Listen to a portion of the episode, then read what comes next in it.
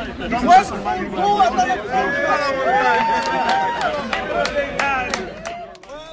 Speakers Corner is 'n gebied waar openlig praatjies in die openbaar plaasvind. So 'n debat en bespreking word nie toegelaat nie.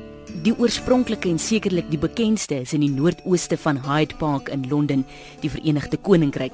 Sprekers kan hier oor enige onderwerp praat, solank die polisie die toespraak as wettig oorweeg hoewel dit nie net beperk is tot die speakers corner nie. In teenstelling met die algemene opvatting, is daar geen immuniteit teen die wet nie en geen onderwerpe word voorgeskryf nie, maar in die praktyk is die polisie geneig om verdraagsaam te wees en dus net in te gryp wanneer hulle 'n klagte ontvang. By sommige geleenthede in die verlede moes hulle ingryp wanneer daar te veel gevloek word.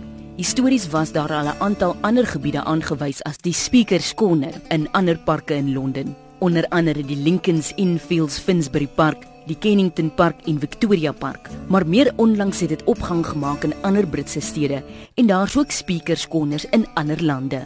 Publieke onluste het uitgebreek in die park in 1855 in protes oor die Sondaghandelsmark wat die koop en verkoop op 'n Sondag verbied die enigste dag wanneer werkende mense af het. Die onluste was beskryf deur Karl Marx as die begin van die Engelse revolusie. Sommige bewegings gebruik Hyde Park as 'n punt van vergadering vir protesoptrede, maar geen permanente praatplek is gestig nie.